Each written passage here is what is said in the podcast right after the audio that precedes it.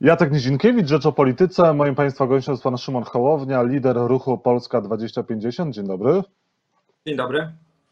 Wojewódzki Sąd Administracyjny orzekł, że wydając zarządzenie o wyborach kopertowych, premier Mateusz Morawiecki przekroczył uprawnienia i działał bez podstawy prawnej. Co teraz powinno się stać e, po tym orzeczeniu nieprawomocnym e, w USA? Premier powinien podać się do dymisji w, i ponieść konsekwencje e, przekroczenia swoich uprawnień. E, przecież ta jego decyzja rodziła skutki nie tylko polityczne, bardzo, bardzo poważne, e, ale też i finansowe. Przypomnijmy tutaj wydawanie kilkudziesięciu milionów złotych na wybory, które jak się okazuje nie miały prawa się odbyć. W czasie epidemii w, zapanował w obozie rządzącym taki chaos, że im się wszystkim wydawało, że po pierwsze wolno wszystko, po drugie można wszystko, po trzecie, że za to nie poniesie się nigdy odpowiedzialności. Kontynuacją tego myślenia jest to, co dzisiaj będzie procedowane w Sejmie, a więc ta ustawa bezkarnościowa, czy ta poprawka do ustawy covidowej, która tak naprawdę zniesie odpowiedzialność urzędników państwowych, jeżeli tylko mieli dobre intencje w, i w, w istotny, istotnie utrudnione byłoby ich postępowanie. Dodajmy do tego ten wniosek Mateusza Morawieckiego do Trybunału Konstytucyjnego stwierdzenie niekonstytucyjności 417 artykułu e, kodeksu postępowania cywilnego. No i mamy opowieść o powstającej kaście urzędniczo-politycznej, e, która nie będzie ponosiła żadnej odpowiedzialności za swoje decyzje. Natomiast dobrze, że sąd taką decyzję podjął. Oczywiście teraz będzie procedura kasacyjna. Narracja ze strony PiSu będzie oczywista. E, komunistyczne sądy, na pewno są tam jakieś złogi gierkowsko-gomułkowskie, które jeszcze trzeba wyczyścić. Państwo walczyło o demokrację w dobie epidemii, ale to, to nic nie zmienia. Ta decyzja była bezprawna. Że w sędziów, w WSW, a nie w premiera, który mógł działać bezprawnie? Znaczy ja myślę, że oczywiście, że to jest tak, że y, ta decyzja jest y, bardzo y, brutalną i czytelną, znaczy w sensie dosłowną i dobitną recenzją postępowania premiera. Natomiast no, musi zostać przypuszczony kontrakt medialny i propagandowy ze strony PiSu. Zawsze się tak działo i zawsze się tak będzie działo, a więc jeżeli ktoś mówi ci, że masz jakiś problem ze sobą, to należy tego kogoś poniżyć, wyśmiać i zdyskredytować, a więc teraz będzie atak na sądownictwo administracyjne, co oczywiście oczywiście w żaden sposób nie poprawi sytuacji Rzeczpospolitej i nie rozwiąże realnych problemów. Dobrze, że są jeszcze w Polsce sądy, które nie boją się powiedzieć, że najwyższy urzędnik państwowy przekracza swoje uprawnienia, nie działając w interesie obywateli zagrożonych epidemią, tylko swojego jedynego mocodawcy i jedynego, tak naprawdę jedynej osoby decyzyjnej dzisiaj w państwie. Przecież te wybory osobiście zarządził, osobiście przeprowadził i osobiście poukładał Jarosław Kaczyński wbrew konstytucji, bo wyborami w Polsce powinna zajmować się, co wczoraj potwierdził Sąd Administracyjny, Państwowa Komisja Wyborcza, a nie żaden premier, prezydent, ani nikt inny. No może Jarosław Kaczyński powinien wejść do rządu. Pojawiają się tego typu e, informacje, że mógłby wejść do rządu, gdyby doszło do problemów e, w Zjednoczonej Prawicy, w dalszym ciągu nieporozumień z Solidarną Polską ale to jest guzik atomowy. Przecież e, w, to jest w tej chwili bardzo wygodna procedura, która pozwala oszczędzać e, królową matkę w pszczelim roju i sprawiać, że nie może być pociągnięta do odpowiedzialności. Przecież formalnie to Czy jest Kaczyński jest królową matką? No jest królową matką tego układu, którą pszczoły robotnice od Mateusza Morawieckiego przez Andrzeja Dudę, Jacka Sasina, Marka Suskiego i innych starają się za wszelką cenę chronić. On nie ponosi żadnej odpowiedzialności, on podejmuje wszystkie decyzje i to jest miara paranoi, w jakiej się dziś znaleźliśmy. Podam panu przykład. Dzisiaj wystosuję list do Jarosława Kaczyńskiego, bo to on jest osobą decyzyjną w tej sprawie, apelując do niego o podjęcie decyzji y, o przyjęciu w Polsce 50 dzieci y, uchodźców, które ucierpiały w pożarze na Mori. Rozmawiałem z wieloma osobami z organizacji międzynarodowych, i z administracji, i z kościoła. Wszyscy mówią, to wszystko zależy nie od decyzji jakiegoś premiera, ministra czy kogokolwiek, tylko i wyłącznie od politycznej decyzji jednego człowieka. To jest faktyczny władca naszego państwa. Na to przyzwoliliśmy. Myślę, że niechcący, również ci, którzy głosowali na PiS i to jak najszybciej dla dobra nas wszystkich trzeba zmienić, bo dzisiaj to jest Kaczyński, a jutro będzie ktoś inny. Czy dlatego pan próbuje stworzyć koło poselskie w Sejmie? Pierwsza posłanka e, Polski 2050 to jest początek tworzenia większego bytu w parlamencie? Tak, zależy nam na tym i tego nie ukrywamy. Wbrew temu, co niektórzy mówią, to nie będzie tak, że ruch Polska 2050 przekształci się w partię. On zawsze będzie miał trzy elementy. Powstały już i działający Instytut Strategii 2050, czyli nasz think tank, ruch obywatelski. Działania, chęć działania w tym ruchu y, zgłosiło już ponad 20 tysięcy osób.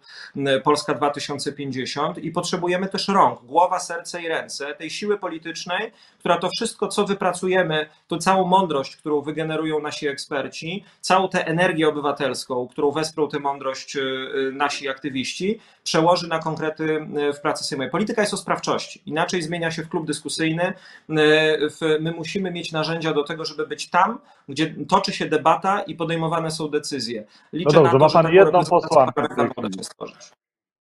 No jedną tak, posłankę ma pan. Jedna, jedna posłanka to zgodnie z konstytucją to jest też coś niezwykle ważnego, bo to jest przedstawiciel narodu, o czym mówi artykuł 104 Konstytucji. I bardzo się cieszę z tego, że Hanna Giel-Piątek jest z nami. Natomiast oczywiście, że dobrze by było mieć co najmniej koło. I też nie ma co tutaj kokietować i mówić, och nie, może nie wiem, zobaczymy. Tak, chcielibyśmy mieć koło e, parlamentarne, bo koło to już jest twór widziany przez regulamin Sejmu. To już jest, e, to już jest uczestnictwo w parytetach, jeżeli chodzi o dyskusję, w, zwłaszcza w tym trudnym covidowym Sejmie. To już jest inny poziom rozmowy o, o politycznej sprawczości. No Natomiast no to nie jest też tak, że musimy to zrobić za wszelką cenę natychmiast. No ale pan zapowiadał, że polityka może być inna, a tymczasem podbiera pan parlamentarzystom w innym ugrupowaniu. No nie ma pana w parlamencie, bo taka, y, tak pan się też politycznie y, objawił za późno y, po wyborach parlamentarnych. No to dlaczego pan teraz tworzy, jak mówią niektórzy, koło łowieckie, podbierając właśnie posłów innym partiom? Ja bym bardzo prosił panów posłów lewicy, żeby zainwestowali w jakiegoś nowego spin doktora, który im pozwoli wymyśleć nowe e, w e, jakieś określenie, bądź tak przywiązali do tego łowiectwa, e, że nie mogą się od tego uwolnić. Panie pośle Trela, panie pośle Gawkowski, dowcip opowiedziany 70 raz przestaje być śmieszny. Ani wy nie jesteście gajowymi, ani poseł Hanna Gil-Piątek nie jest łanią, ani ja nie jestem kłusownikiem. Winston Churchill bardzo trafnie kiedyś powiedział, że lepiej jest zmieniać zmieniać partię ze względu na zasady, niż zasady ze względu na partię. I to jest naturalne, że środowisko polityczne się zmienia. Lewica jest dzisiaj w zupełnie innym miejscu. I wiosna Biedronia, z którą była też związana Hanna Gil-Piątek, niż była w momencie, kiedy dokonywały się wybory. Proszę pamiętać też, że my dzisiaj według sondaży jesteśmy, jeżeli dzisiaj byłyby wybory, trzecią siłą w tym Sejmie. A więc ja po pierwsze nie widzę nic zdrożnego w tym, żeby jeżeli z kimś widzę się politycznie, on takiego transferu i zmiany po roku funkcjonowania w parlamencie, po zmianach, które dotykają jego partię, dokonał. Natomiast do lewicy mam taki apel, żeby ona się zajęła przede wszystkim tym, aby wreszcie ona stała się miejscem, do którego lgnąć będą ludzie i tak przeformatowała swój sposób myślenia i tak przemyślała tę sytuację, żeby stała się przyciągająca, a nie y, żeby jedyne na co ją będzie stać, to teraz agresja zrodzona z frustracji, emocji y, i lęku. Y, zapewniam też pana, że w nie ma to nic wspólnego ze starą polityką. Gdybym ja rzeczywiście chciał myśleć w kategoriach starej polityki, to robiłbym, czy jeżeli miałbym narzędzia, korupcję polityczną, obiecywałbym stanowiska, miejsca na jedynkach, różnego typu kombinacje, w, przyjmowałbym posłów e, bez żadnej e, refleksji, tylko żeby osiągnąć strategiczny cel. Hanna Gil-Piątek dołączyła do nas, bo jest z naszego DNA, bo to jest działaczka społeczna, która weszła do polityki i do, dołącza do nas na początku kadencji, a nie na końcu, kiedy można spodziewać się za to bardzo konkretnych fruktów. E, e, dzisiaj idzie z nami w ciemno, na dobre i na złe, bo jest przekonana, że to tu jest ta energia, która zmieni Polskę. Ja się z tego bardzo cieszę. Trwają rozmowy z innymi parlamentarzystami? Rozmawia pan z posłami e, Koalicji Obywatelskiej na przykład?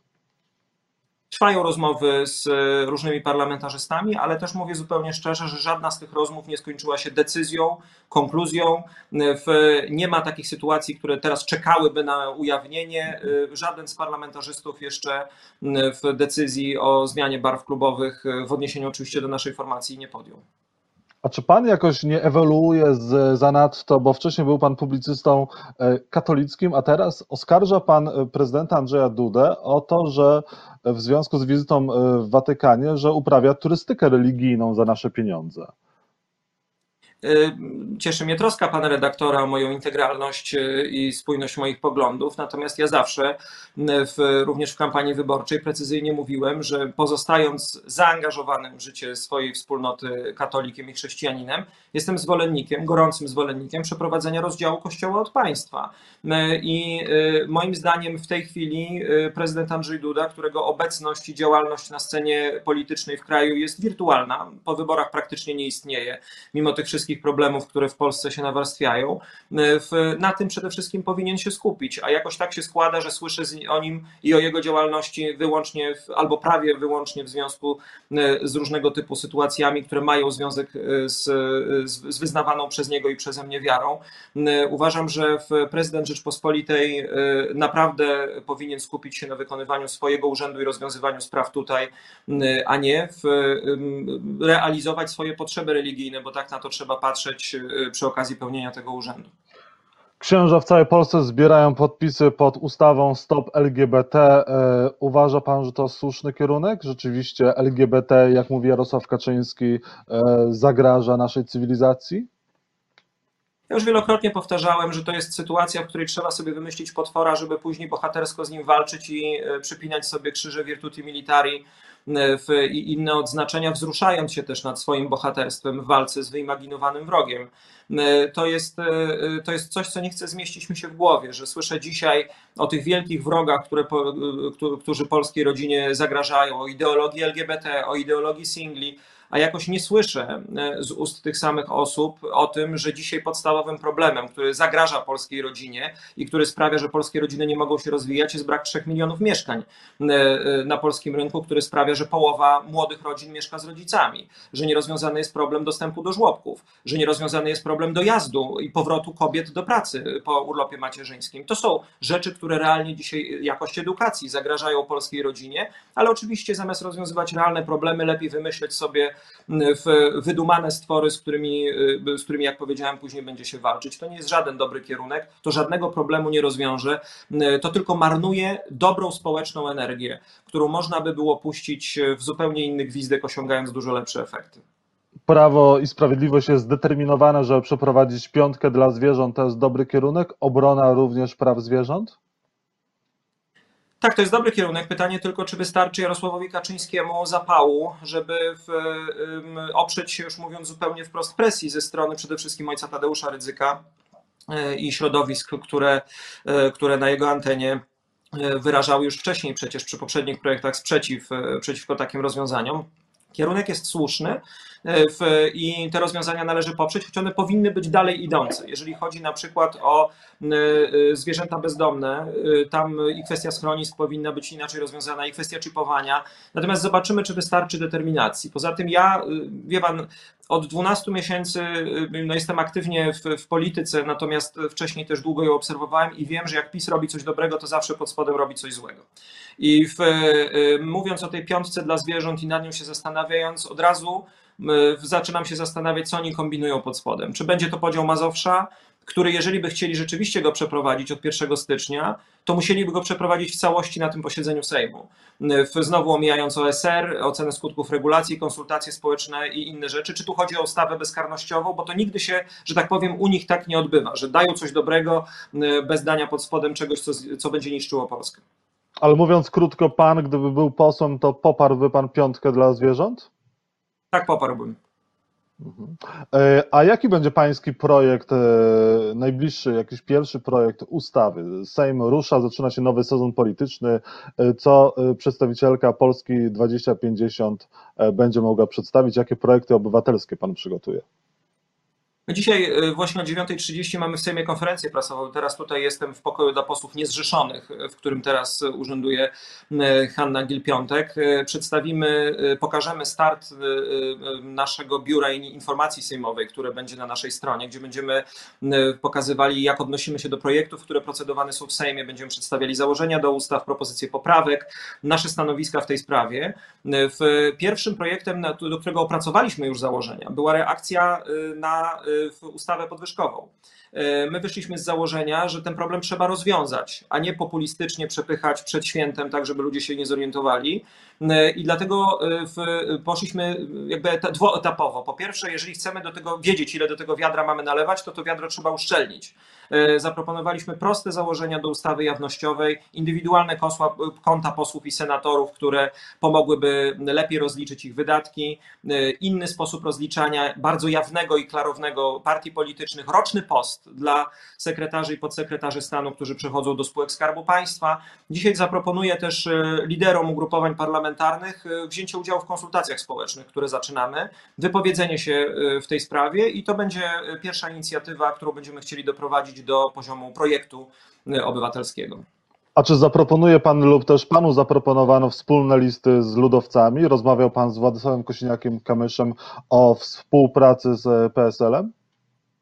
Nie, nie rozmawiałem. Y, mamy umówione takie spotkanie w najbliższych dniach. Y, y, Władysław Kośniak-Kamysz oprócz różnych historii politycznych teraz cieszył się z przyjścia na świat swojej drugiej córki, czego mu serdecznie gratuluję. I spotkamy się niebawem, będziemy rozmawiać.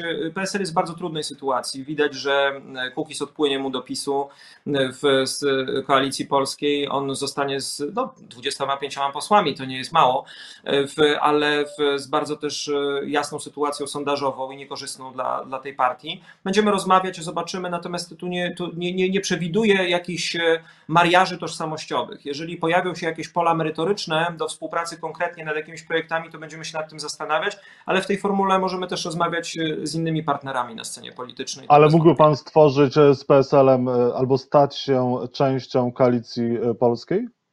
Zamiast kupić A może to PSL mógłby stać się częścią ruchu Polska 2050? Dlaczego nie myśleć o tym w ten sposób? Y, y, będziemy rozmawiać, zastanowimy się nad tym. Y, w tej chwili te, te, te dywagacje są bezprzedmiotowe, bo nie było rozmowy. Były jakieś sygnały o tym, że może warto by było usiąść i porozmawiać. Usiądziemy, porozmawiamy i potem już będziemy wiedzieli, na czym stoimy. W tej chwili jesteśmy naprawdę mocno skoncentrowani na, na budowie tożsamości naszego ruchu i na tym nam najbardziej zależy. I dwie kwestie na koniec. E, cieszą Pana kłopoty Platformy Obywatelskiej i czy Pan, podobnie jak Rafał Trzaskowski, proponowałby DJ-owi w nocnym klubie zmianę muzyki w taki sposób, jaki robił to Rafał Trzaskowski? Ja jestem w tej szczęśliwej sytuacji, że y, wiem, kto to jest Jamiroquai, na którego y, chciał Rafał Trzaskowski zmienić utwór muzyczny, który wtedy był emitowany w tym klubie, w którym się znajdował. Natomiast wie pan, no ja jestem kiepskim specjalistą i od muzyki klubowej, i też od zabaw o pierwszej w nocy. Na wszystkich weselach i imprezach jestem kierowcą, więc nie piję i nie, nie, nie bawię się tak jak cała reszta sali. Moja żona powtarza o mnie, że jedną z największych ekstrawagancji mojego życia jest spóźnienie się 10 10 minut do kościoła. W, no, no nie, nie, nie, jakby podziwiam Rafała Trzaskowskiego, że ma taką krzepę też, że w, po, po intensywnej pracy jest w stanie w, tak późno wytrzymać, bo to jest bardzo wyczerpująca praca. Ale, ale, poważnie... moje miasto, to jest moje miasto, to było o jeden most daleko? Pan, zajmowanie się tym, zajmowanie się tym, analizowanie tego, to jest naprawdę pudelkizacja życia politycznego. Nic mi do tego, co prezydent czy jakikolwiek inny polityk robi po godzinach, jeżeli nikogo nie krzywdzi. Rafał Trzaskowski nikogo nie skrzywdził, bawił się, poprosił o zmianę muzyki, nic mi do tego, nic nam do tego, to jest jego prywatny czas. Możemy go rozliczać z tego, jak radzi sobie z awarią w Warszawie, możemy rozliczać go z obietnic dotyczących nowej Solidarności, której e, start jest e, jednym z najbardziej oczekiwanych i najdłużej oczekiwanych rozwiązań na polskiej scenie politycznej ostatnich dziesięcioleci. E, możemy wiele rzeczy, że tak powiem, powiedzieć o tym, jak Platforma dzisiaj zajmuje się sobą zamiast problemami Polski i zapowiada, że już w styczniu ogłosi, że wtedy już będzie wiedziała, y, jak ustawić się wobec tej coraz bardziej zmieniającej się rzeczywistości i pokaże jakiś program, ale tego akurat wątku kompletnie bym się nie czepiał, y, bo to, bo, bo to nie jest na tym poziomie, na którym chcielibyśmy polską politykę robić. I na koniec, czy Marek Jurek byłby dobrym rzecznikiem praw obywatelskich? Dobrym rzecznikiem praw obywatelskich byłaby Zuzanna Rudzińska-Bluszcz. To znakomita kandydatka, to nie polityk, to osoba bardzo głęboko zaangażowana w realne rozwiązywanie problemów. Chodzi ma świetny program i dla seniorów, i dla edukacji, i dla bezpieczeństwa w internecie. Poparło już 700 organizacji pozarządowych. Rozumiem, że dla PiSu jedyną winą jej jest to, że pracowała z obecnym Rzecznikiem Praw Obywatelskich Adamem Bodnarem. Natomiast na miejscu Jarosława Kaczyńskiego rozważyłbym ten wariant, dlatego że w osobie takiego właśnie apolitycznego, ombudsmana miałby dobrą przeciwwagę dla Zbigniewa Ziobro, który najprawdopodobniej zostanie w Zjednoczonej Prawicy i w całym tym układzie, a ten układ musi być przez Jarosława Kaczyńskiego jakoś zrównoważony.